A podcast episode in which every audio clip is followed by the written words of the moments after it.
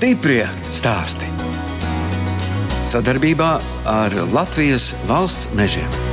Es biju domājusi, es bišķīt pacepšu maizi, un pēc tam es meklēšu darbu. Bet, protams, tad, kad tu vari ar to arī nopelnīt, tev jau vairs negribas neko mainīt. Te es varbūt ceļos četros, piecos, bet tas ir mans. Es arī nogurstu. Miltu maisu es paceļu veikalā pārdevēju mašīnā, no ielieku, bet no mašīnas jānes uz ceptuvi 40 kg. Vai ne, bet varbūt tur ir tās latgaliskās saknes. Es ja? tā domāju, ka tas ir latviskās saknes. Galvenais, es esmu iemācījusies eh, visu darīt ar prieku, arī varbūt tajā grūtumā. Tā stāsta maizes cepēja Aina Steinberga no Tausu novada Laidzes pagasta rugājiem. Es, žurnāliste Daina Zalamane, šoreiz tikos ar uzņēmīgu sievieti, kas jau septiņus gadus kā mairažotāja cep 11 dažādu šķirņu maizi. Slavenākā no tām ir siļķu maize, ko kādreiz kurzemes jūrmalas ciemā uguņos cepa Ainas vīra vecmāmiņa. Aina rīko maizes degustācijas turistiem un izveidojas senlietu krātuvi, kurā savākti dažādi seni sadzīves priekšmeti. Viņa arī darbojas amatieru teātrī, bet dzimusi Latvijā, Varakļānu novada Murmastienē. Mamma teica, bez darba neko nav. Tulkomā bez darba nekā nav.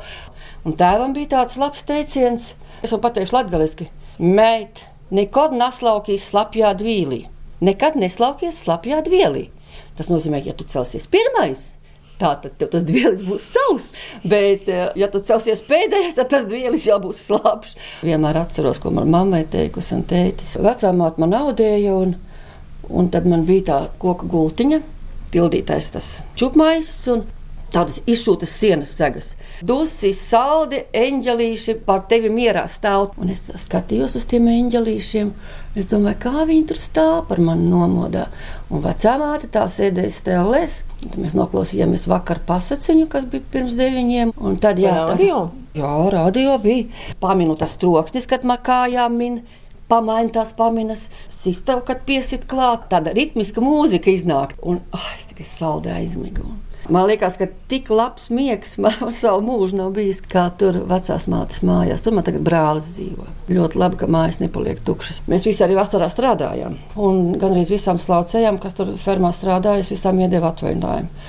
Un man jau lopi vienmēr ir patikuši. Un es tās gotņas samīļoju. Un man bija ļoti labs izslēgums. Man gribēja sūtīt arī uz sacensībām, bet es sapratu, ka tur tiem aparātiem tur visas tās detaļas jāzina. Un, un es kaut kā atrunājos, un tad man tur neaizsūtīja. Jā, avīzēs tur parādījās Aina Mazga. Man bija uzvārds Mazga. Uz Ziemassvakaros tad atkal mamma vienmēr teica, ko tu sēdi bez darba. Bet tur kādas zeķes bija jāsalāpa tēvam. Es laikam biju viena no mīļākajām meitiņām, kaut gan es esmu trešā meita, un viņš gaidīja kā dēlu. Bet es laikam tik labi lāpīju. Viņam ļoti patika, ka es tās zeķes lāpu. Nevis mammai prasīja, bet jums. Mammai bija savi darbi. Protams, lielo saimi pavarot, pieci bērni, trīs meitas, divi dēli. Un cūkas, sivāna māte mums arī bija, un govis un buļļi, un tad vēl pie vecās mātes tur bija aitas un sienas un viss, kas vien laukos var būt. Es arī uh, tēvam bieži braucu līdzi kaut kādos tālākos reisos, un tad uz Rēzekni, es zinu, mēs braucām un to lielo Kamazu mēs viņu pa samasvalu saucam, vadīja. Tas man tādas foršas bērnības atmiņas. un Tēvs jau ir viņā saulē, mamma man ir dzīva un reti jau iznāk aizbraukt. Bet es ļoti ceru, ka augustā es aizbraukšu uz kapu svētkiem, jo Latvijā kapu svētki ir tie lieli svētki. Radi, Tad sabrauc radi, un es vēl atceros, ka mm, es kā bērns jāiet uz kapiem, un tu neko nevarēji saprast, ko tas mācītājs tur runā. Tad tu pētīji tos cilvēkus, skaties, un pēc tam sākās tas labākais aiz skapu vārtiem. Tad jau bija zirga pajūgi, un tad nu vēra vaļā tos grozus, un tad tur bija pīrādziņi un gaļiņas, un vīriešiem bija arī kaut kas stiprāks un alus. Un tagad ar šo prātu domājot, cilvēki bija ļoti devīgi. Viņiem nebija žēl. Nu, nebija jau nekādi bagātie. Tā kā mēs arī pieci bērni, visi bija jāizskolo un visādi ir bijis. Mēs esam vienu konfliktu dalījuši uz trijām daļām. Un kā tad bija ar to profesijas izvēli? Mamma, laikam, tos visus bērnus tā kā arī gribēja kā pieturēt pie mājas, varbūt arī baidījās par viņiem, kā aizies lielajā dzīvē, lielajā pasaulē un kaut kas notiks. Un man ļoti interesē medicīna, un es gribēju iet uz medicīnas skolu. Bet mamma teica, nu, ko tu ies tik tālu no mājām? Nu, paliec un pabeidz vidusskolu. Un māsa man bija vetfelšere, un mamma teica, nu, bet mēģinu uz to lauksaimniecības akadēmiju. Un Jā, nu es tiku iekšā, bet kamēr tu dzīvo mājās, tev liekas, tev lielā, plašā pasaule tevi gaida, un cik labi ir kaut kur citur, un cik labi ir pilsēta. Es nekad neesmu dzīvojis pilsētas dzīvoklī, un tās kopmītnes, un es atceros tās ilgas pēc mājām, tāds lauku bērns, kurš pieradis izskriet ārā un basām kājām. Un tur tu esi taisa kopmītnes ar citām meitenēm. Man pat pietrūka tas dārsts, kurš jāravē. Un nāca pavasaris, skaties ārā pa logu, un tāds raudiens nāk, kā tev gribās mājās. Nu, droši vien nevarētu nemaz tik bieži aizbraukt varakļā, un tomēr bija tālu. Jā, jā, mēnesī reizi vai citreiz divreiz. Es vēl tagad domāju, kā mēs mācījām vispār izdzīvot. Tev bija dažas kapeikas makā, bet tev bija priecīgs prāts. Tu iegāji veiklā, kaut ko tur nopirki, un pēdis tu biji. Un tad, kad gāji kolhozā, tad kādu kāpostu galvu tu varēji paņemt, kādu kartupeli. Taisīja sautējums, tik garšīgs sautējums bija. Tagad es tādu taisu, man liekas, ka man vairs tāds neiznāk. Man būtu kāposti savādāk. Studējot Jāgavā, Aina satika savu nākamo vīru, kurzemnieku Arvišu Steinbergu. Viņš pēc armijas zivkopis viņš bija pabeidzis, viņš stājās meža saimniekos. Viņš mācījās no lītē. Un man mamma liela dziedātāja, un arī es dziedāju Jelgavā, ko arī nākotne. Vienā jaukā reizē brauc arī tāds jauns čaus, kas nekad nebija redzēts, tai ko arī dziedāt. Un, nu, tā mēs iepazināmies. Decembrī mēs iepazināmies. Maijā bildināju, un augustā mums jau bija kāzas. Pabeidz divus kursus. Tā studēšana tā arī man izjuka. Man ir cilvēki, kas prasa, vai es nenožēloju. Tas svaru kausos jau nevar ielikt to ģimeni un tos trīs bērnus. Stāstījāt, kā jūs ilgojāties pēc savām mājām, kā tas bija tomēr atnākt vīram līdzi uz kurzemi. Mums tāda aktīva studentu grupiņa rīkoja ekskursijas pa kaut kādām kauju takām. Bet reāli tā gide mums veda uz vecajām baznīcām un tādām vietām, kur vispār nedrīkstēja apmeklēt. Un mēs iebraucam talsos. Un tas bija tāds zelta rudens, un piekalnes tik, tik skaistas ar tām kļauju lapām, un tas tāls ezers tur vidū. Un, un es tā nodomāju, cik skaista pilsēta. Un tad, kad es ar viņu iepazinos, viņš teica, ka viņš no tālsiem strādājām mēs Valdemāra pilī zivsaimniecībā no sākuma. Un, un tad mēs atnācām te pie vecākiem dzīvot māju lielu un bērni viens pakaļ otram. Un, Jaunībā vienalga, kādu darbu tu strādā. Es strādāju par apkopēju. Jūs tomēr ilgus gadus strādājat arī mācību iestādē, Laidzes pamatskolā, Tausu kristīgajā skolā. Jā, Laidzes pamatskolā, direktora vietnieces saimnieciskajā darbā. Bet tas tāds vīriešu amats, man liekas. Tāds vairāk. vīriešu.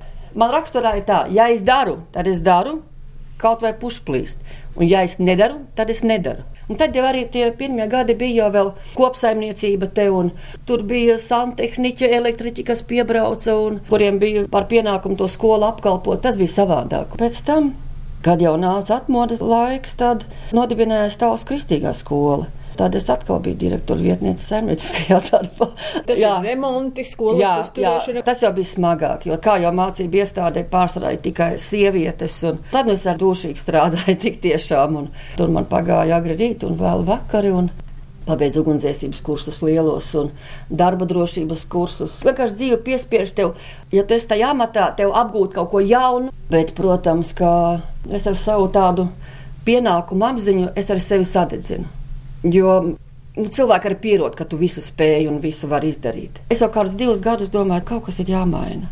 Jo es jau jūtu, ka es netieku līdzi jau arī tām prasībām, jo īpaši par datoru. Vajag kaut kādus līgumus slēgt, un tev vajag tur atrunāt. Tam es netiku līdzi. Bija kaut kāds pārgājums, bija kaut kāds klikšķis, un es teicu, viss, es eju projām. Tad man pavērās cita pasaule, un man likās, ka es esmu satikusi vislabākos cilvēkus kristīgajā skolā. Bet tad, kad es tur gāju tajos kursos, tajos bezdarbniekos, es satiku atkal tik jaukus, tik brīnišķīgus cilvēkus. Un tas bija tāds atkal tik feins laiks, un es pabeidzu grāmatvežu angļu valodu šuvēju kursus. Un es jau arī pirms tam kaut ko šuvu, bet nu, es žaketu, meiteli sev sašuvu un šūt es arī laikam varētu, ja es tikai gribētu. Un tas laiks man bija ļoti labs. Stiprie stāsti.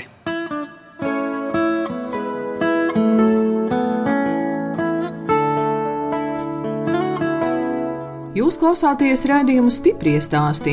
Šoreiz ciemojos Talsu novada Laidzes pagasta rugājos pie Ainas Steinbergas. Pēc dažādu kursu apmeklēšanas nodarbinātības valsts aģentūrā viņa gribējusi atrast kādu mierīgāku darbu, pastrādāt par apkopēju vai sētnieci, bet reiz amatieru teātra mēģinājumā pacienāta ar ļoti garšīgu maizi, kas cepta no ierauga. Tad sākus maizi cept savai ģimenei, vēlāk draugiem, un tagad Aina ir mājražotāja. Nokārtoju visus dokumentus, oficiāli maižotāji man ir viss PVD, savs numurs un viss man ir, un PVD nāk man pārbauda. Un, Un cepat virtuvē. Jā, man ir melnā virtuve. Tur, kur vārīja. Cūkām tur jā, Jā. jā. tur arī maizes krāsnes man ir, bet es necepu maizes krāsnī.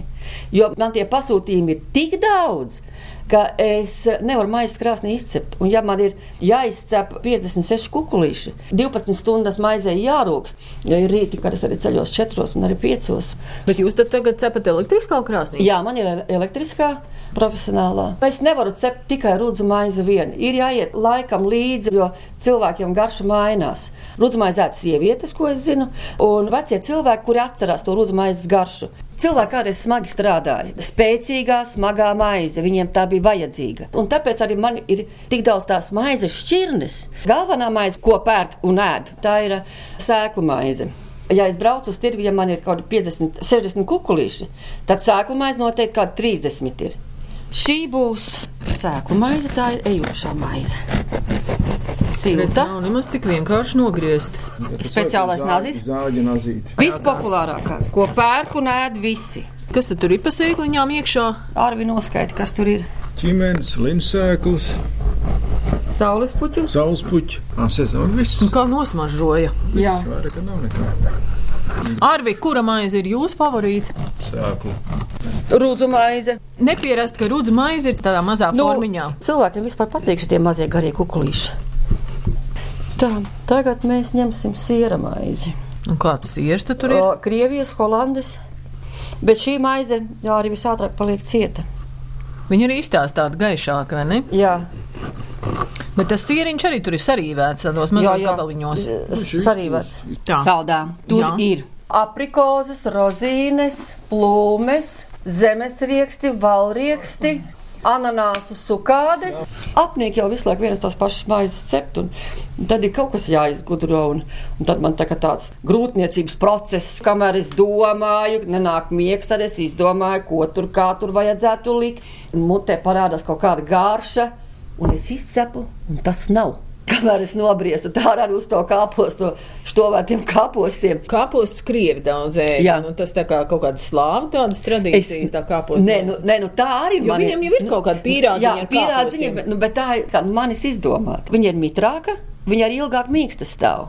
Ir mitrāka. Bet tas ir ar skābiem kāpostiem. Štovētiem, Štovētiem. štovētiem skābiem kāpostiem. Bet maizes cepējas Aina Steinbergas kroņa numurs ir maize ar siļķi un gaļu, jeb vecās krēķenes maize. Par to ir īpašs stāsts. Oh, kas maržo vajadzētu? Silķēda, Ēdam, silķe, sīpoli un augšā ir gaļa.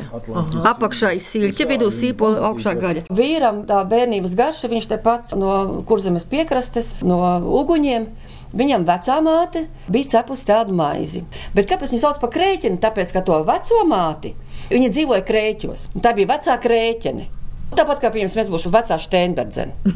Un tā es domāju, nu, kā es nosaukšu siltu maizi. Un tu tas tā, nu, tā, tā, tā bezpersoniski. Bet es domāju, ja vecās krēķenes maize, rudzu maizes apakšiņa, tad ir sālīta silķeta, kā tagad vairs nevar dabūt, tad sīpoli.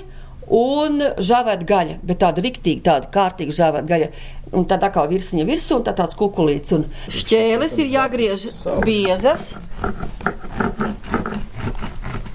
Atklāt sakot, es kodu ar tādām bažām, jo es domāju, nu kā tas būs siļķe un gaļa kopā. Jo Labi. tā jau mēs nekad neēdam, vai ne? Bet man liekas, taisnīgi noņem to siļķes garšu mazliet. Nu, garšīga. Cilvēkam ir lielais kukls pa lielu. Un varbūt ģimenē viens ēd, viens nē. Un tad man ir tā kā sklandrausim, tāda formiņa, pamatnīte kā sklandrausim, un tad tur ir iekšā siļķe, žāvēta gaļa, sīpoli un vēl arī siers. Man ļoti patīk tirdziņi. Bet es neesmu aizbraucis ne uz vienu tirgu, tāpēc ka par to vietu man ir jāmaksā ļoti daudz. Ja man ir jāmaksā 30 eiro, bišķi vairāk par vietu, man vēl vajag degvielu, un tad es vēl paņemu līdzi kādu palīgu, kuram man ir jāsamaksā. Tad cik man ir jāizcep? Jo visi grib mīkstu maizi, viņi negrib nedēļu vecu maizi. Kaut kādi amatnieki, kas ar mālu vai vēl kaut ko strādā, viņi sacep, saliek plauktā, braucot uz tirgu, viņi paņem. Bet es jau nevaru sacept maizi nedēļu iepriekš un tad braukt uz tirgu. Man viņa jāizcep ir tūlīt, tajās 24 stundās. Un ziniet, kā latvietim tā mode ir. Es te maksimā tirgojos, man patstāvīgā vietiņai, bet tas pārsvarā pa ziemu. Atnāk cilvēks, nostājās pie galda, izdegustē maizi, un beig beigās viņš izgāz visu, visu savu žūtu. Kas jums tā vispār par maizi, vai te nevar nopirkt te normālu maizi, te jums ar ķirbjiem, te jums un tā, tā, tā, tā, tā, un vispār klijas, un tur tā, nu visu savu negāciju. Bet droši vien, ka ir arī tādi, kas ir ļoti priecīgi. Vai tas var arī dot to spēku, kad atnāk cilvēks un viņš saka, vai es jūsu maizīti nopirku kuldīgā? Cik garšīga maize, un es meklēju, kur varētu atrast jūsu maizi. Paldies, un lai svētītas jūsu rokas, un lai jums ir spēks un jums ir izturība. Un ziniet, man pilnīgi nezinu, vai asara notek. Tie cilvēki dod spēku. Viņi dod spēku tev atkal strādāt. Tajā pandēmijas laikā, kā jūs to maizīti tirgojāt, pievedāt klāt cilvēkiem? Es jau tikai uz pasūtījumiem strādāju. Protams, ka pasūtījumi bija mazāk, bet es jau tos cilvēkus pazīstu. Katru nedēļu es viņiem vedu. Ir veikali, kas man ņēma, veikaliņiem es aizvedu. Es nestāvu pagalmā un netirgoju. Viens iedzīvotājs tajā mājā, kurš uztaisa sarakstu, atsūta izziņā, tik un tik tādu, tādu maizi, es aizbraucu, naudu savākt un un es paņemu pretī. Vienīgi, ko es izjūtu, ka man nav ekskursanti. Jo šī degustācijas zāle ir domāta priekš ekskursantiem.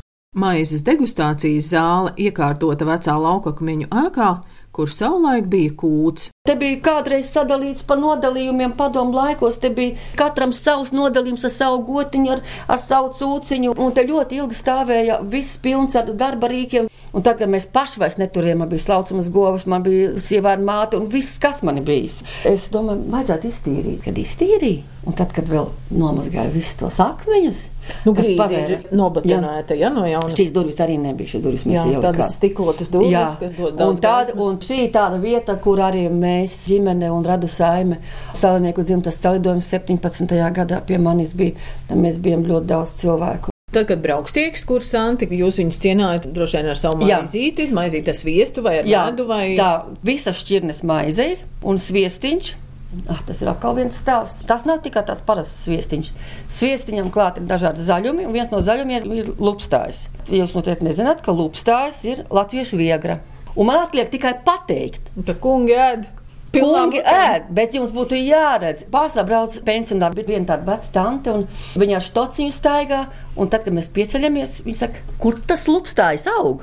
Un nevis tie vīrieši meklē, bet tās sievas meklē to lupstāju. Un tas ir tik interesanti, un tā zāle bija slapja lietas, bija nolīsta. Es saku, tur viņš aug, un tam tuks iet, un viņi noplēs visu pa tīro. Divās vietās man aug, un tie bija noplēsti pa tīro. Redz, par to vīriešu veselību rūpējās. Tieši tā. Pie manis bija arī prezidents Vejonis. un Es domāju, nu kā, nu kā lai es tagad uzvedos. Tad man arī viena teica, bet tā ne, nu esi tāda, kāda tu esi. Tā kā es runāju, tā es arī runāju. Es viņam arī par to viegli izstāstīju. Viņam bija jāsvējās, un viņam patika. Un arī, kad zvanīja un teica, Aina, te jāuzņem ciemiņi, es saku, nav problēmas. Kas? Viņš saka, prezidents. Es saku, kāds prezidents? Nu, vējurs. Es saku, ej, tu nost. Bet es domāju, bet kā es varu atteikties? Šīs mājas rugāji kaut ko tādu nav piedzīvojuši. Roceži, laidze, tādu nav piedzīvojuši. Pie manis viņš brauc, nu, lai viņš brauc. Bet vienā brīdī iestājās panika. Pavasars ir augsts, pagalmā ir dubļi. Bet eh, bērni palīdzēja, un mm, mēs ļoti daudz izdarījām, lai tiešām ar godu sagaidītu. Un es esmu ļoti priecīga par šo vizīti un tikšanos. Jo tas ir viens, ko tu redzi televīzijā, bet otrs, ka tu runā, un viņi tik vienkārši cilvēki, arī vēja un skundze. Un, nu, jā, Tur fotografija. jā un, tur, un, un tur ir ar, ar visiem parakstiem atsūtīts. Tas man liekas, jau arī kaut, kaut, kaut kāds tāds novērtējums. Stiprie stāsti.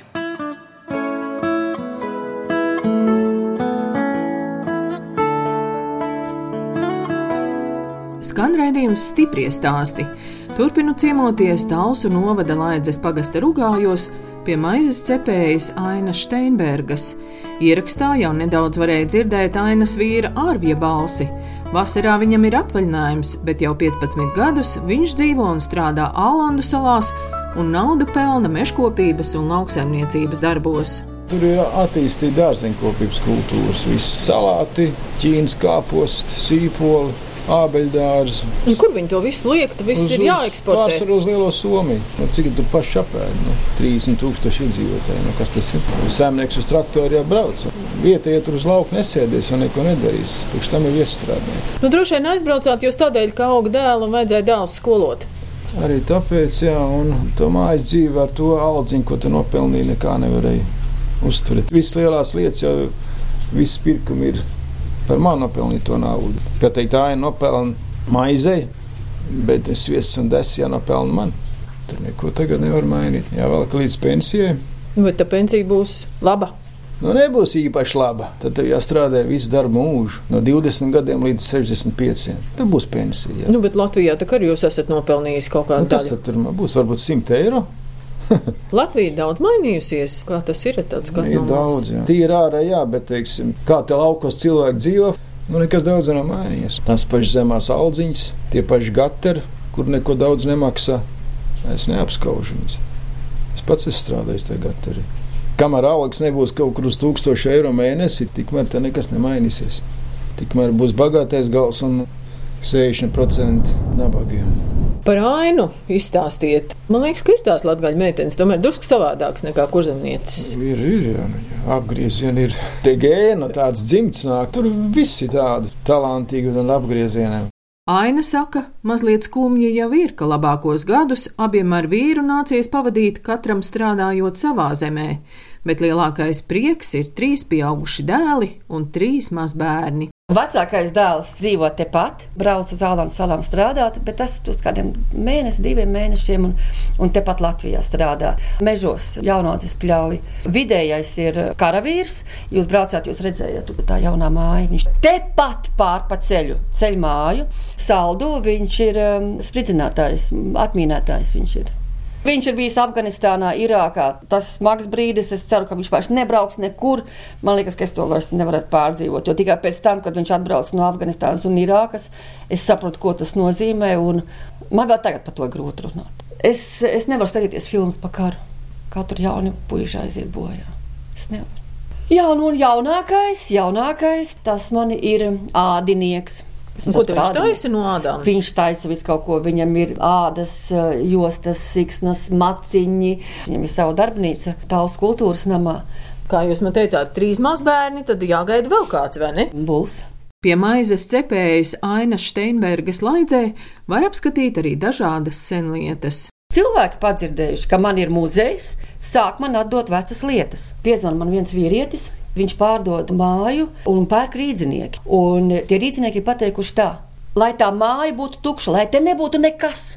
Viņš saka, ai, nu tu atbrauc, pasties, paņem kaut ko, nu, nu man viss jāsadedzina. Es aizbraucu un es staigāju pa to pustukšo māju un tik šausmīgi skumji. Tas lauka mājas pārdod, un viss vai nu apēd uguns, vai izmet, vai salauž. Nevienam nevajadzīgi tas, kā es teicu, tas krēsls, kas tur ir. Varbūt pat simts gadi viņam jau ir. Un, lai tādu sadedzinātu. Un es saku, vai to var ņemt, to ķeblīt? Viņš saka, ņem aina prom, tu saproti, man ir jāsadedzina. Šīs lietas vienkārši pie manis atnāca. Es jums parādīšu gultiņu, tā ir mana vismīļākā gultiņa. Nu, ejam skatīties. Kura ir mīļākā gultiņa? Šī gultiņa ir mana mīļākā gultiņa. Te ir galgalis, te ir kājgalis, un te ir savādāki raksti, te ir kādi virpojumi, tā tālāk. Un es vienmēr saku tā, šī gultiņa es pat nomirt varētu. Man ļoti patīk. Viņa ir tik viegla, tik īsa, Jā, jāpierauj. tagad cilvēki ir garāki. Tās gultas viņām visām bija nolemts dedzināšanas rituāls. Tā kā tās ir paglābtas. No vērtīgākajiem eksponātiem šis Bērnu ratiņi, bet tā apakšdaļa tur ir no metāla. No metāla, Un augšdaļa ir Viņa ļoti- kulba. No tādiem, tādiem eksponātiem. Es viņu saucu par furti. Varētu būt kaut kāda dzelo, nu, stiepļu žogu vilkšana, tas pagarina roku. Viņš jau ir tā ir salūzis, bet nu, ļoti vērtīgs eksponāts ir šīs. Uz laidas pagasta svētkiem ņēma. Teicu, jūs varat ņemt visu kaut vai gultas nest ārā, bet šo gan es nedošu. Ah, tas Jo tā ir burka. Krējumu. Jā, es domāju, sviestu. Kurēji var noteikti var. Tādu burku es vairs nedabūšu. Kafijas maļamie un guldeklīši. jā. Nu, te ir viss, kas padomu laiku stūrīts. Cilvēkam ļoti patīk tie, kas atcerās padomu laikus. Te ir lokšķēres. Tās uzsildīja un tad. tās Bet kā te viņas sildīja kaut kur pie krāsnes? Uz plīts virsmas tā arī sildīja. Es gan savos matos, laikam, tomēr neliku. Labāk Varētu nē. jau parādīt. Varbūt ne. Aina spēlē cītaru, nedaudz ģitāru un darbojas amatieru teātrī. Divas skaistas lomas man ir bijušas, ko es laikam atcerēšos vienmēr. Un, nu, viena ir ar būdu uz baznīcu, Okolokolaka, taisnības mīļotāja, tieši tā kā es. Tur neko nepielikt, neatņemt. Es viņu spēlēju ar baudu, kuras, es nezinu, 28 vai 30 reizes mēs nospēlējām. Tas bija Valdemāra pilsēta teātrī. Tad man bija Laica, bet tie cilvēki apmēram tie paši mēs esam palikuši. Un tagad ir pastendes. Valda Lūriņa rakstīts diploms man ir kā labākai aktrisei un tieši par to, ka es viņu atveidoju mazliet savādāk nekā Antra Lietskalniņa. Un pagājušā gadā man bija ļoti skaista loma. Tikai žēl, ka to ļoti maz cilvēku redzēja. Tāda smaga loma par to, ka uh, latvieši izceļoja uz ārzemēm, un sieviete pārceļās pāri, bet krastā paliek vīrs ar mazu bērniņu uz rokām un nonāk Austrālijā. Un tur pašās beigās ir tāda aina, kad es stāvu pie spoguli. Viss tā dzīve, tā, es visu laiku cenšos to dēlu dabūt uz Austrāliju, bet visi tie padomu laiki un viss. Un es satiekos ar savu, savu pagātni. Man nāk asaras, man ir jāraud. Man nekad nav bijis jāspiež asaras, man viņas pašas tecēja. Jo tā izrāda bija tik emocionāla. Un parasti aiz skatu, tur tajos aizkulisēs stāv visa teātra trupa, gaida, kad būs jāuznāk augšā. Viņi visi sastīkst, viņi skatās uz mani. Viņi saka, Aini, kā tu to vari? Es nezinu, nu tā ir šīs divas lomas, tās man tās mīļākās. Man liekas, es nezinu, es varētu ar vairāk nespēlēt, varbūt nemaz. Ko dod tas teātris? Tas ir attiešana no ikdienas. Es uzskatu, ka Dievs mums katram ir ielicis spējas uz kaut ko. Un vai mēs viņus attīstām vai nē. Ja es varu uzkāpt uz skatuves un runāt, man arī dzīvē dod tādu brīvību, ka es nekautrējos ar cilvēkiem runāt. Cik jūs esat vispusīgs cilvēks, vai ne? Cik daudz kas jums dzīvē interesē? Varbūt kāds var teikt, ka es tam mētājos šā un tā. Bet uh, tas pamats, ko es daru, tas jau man ir. Man ir bijusi skola, un man ir maizes cepšana. Tie vaļas prieki, tad tie tur pamainās. Arī es audus esmu. Man ir stēles, un tās ir manas augstās segas, kas te ir. Viss ir labs, ko iemācies, ko izmēģini, un tad tu saproti, vai tev vajag, vai tev nevajag. Un tā kā man bija viena draudzene, viņa teica, tā, es gribu iemācīties zeķadīt. Es saku, bet ņem un adi, bet es nemāku. Bet tā runāšana, es gribu, bet tad arī. Nu, iemācies. Nu, tad tu sapratīsi, vai tev patīk vai tev nepatīk. Man tāds dzīves moto, viens dzējolis. Es šogad gribu liepas ar saknēm gaisā stādīt. Un tad jums visiem rādīt, kā viņas zemē augs. Jūs sakāt, neaugs muļķi. Jūs sakāt, kas tā dara. Bet manai ticībai ir vara, un viņas zemē augs.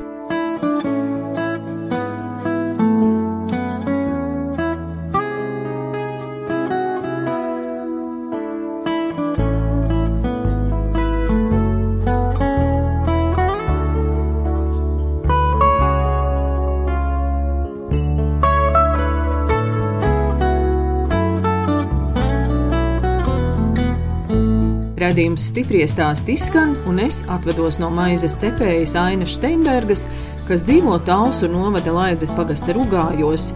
Viņa pirms septiņiem gadiem sāka cept maizi, un viņas kroņa numurs ir savulaik kurzemes jūrmālas ciemā ceptā maize ar siļķi un gaļu. No jums atvedās žurnāliste Dāna Zalamane un operātore Inga Bēdele. Uz tikšanos atkal tieši pēc nedēļas.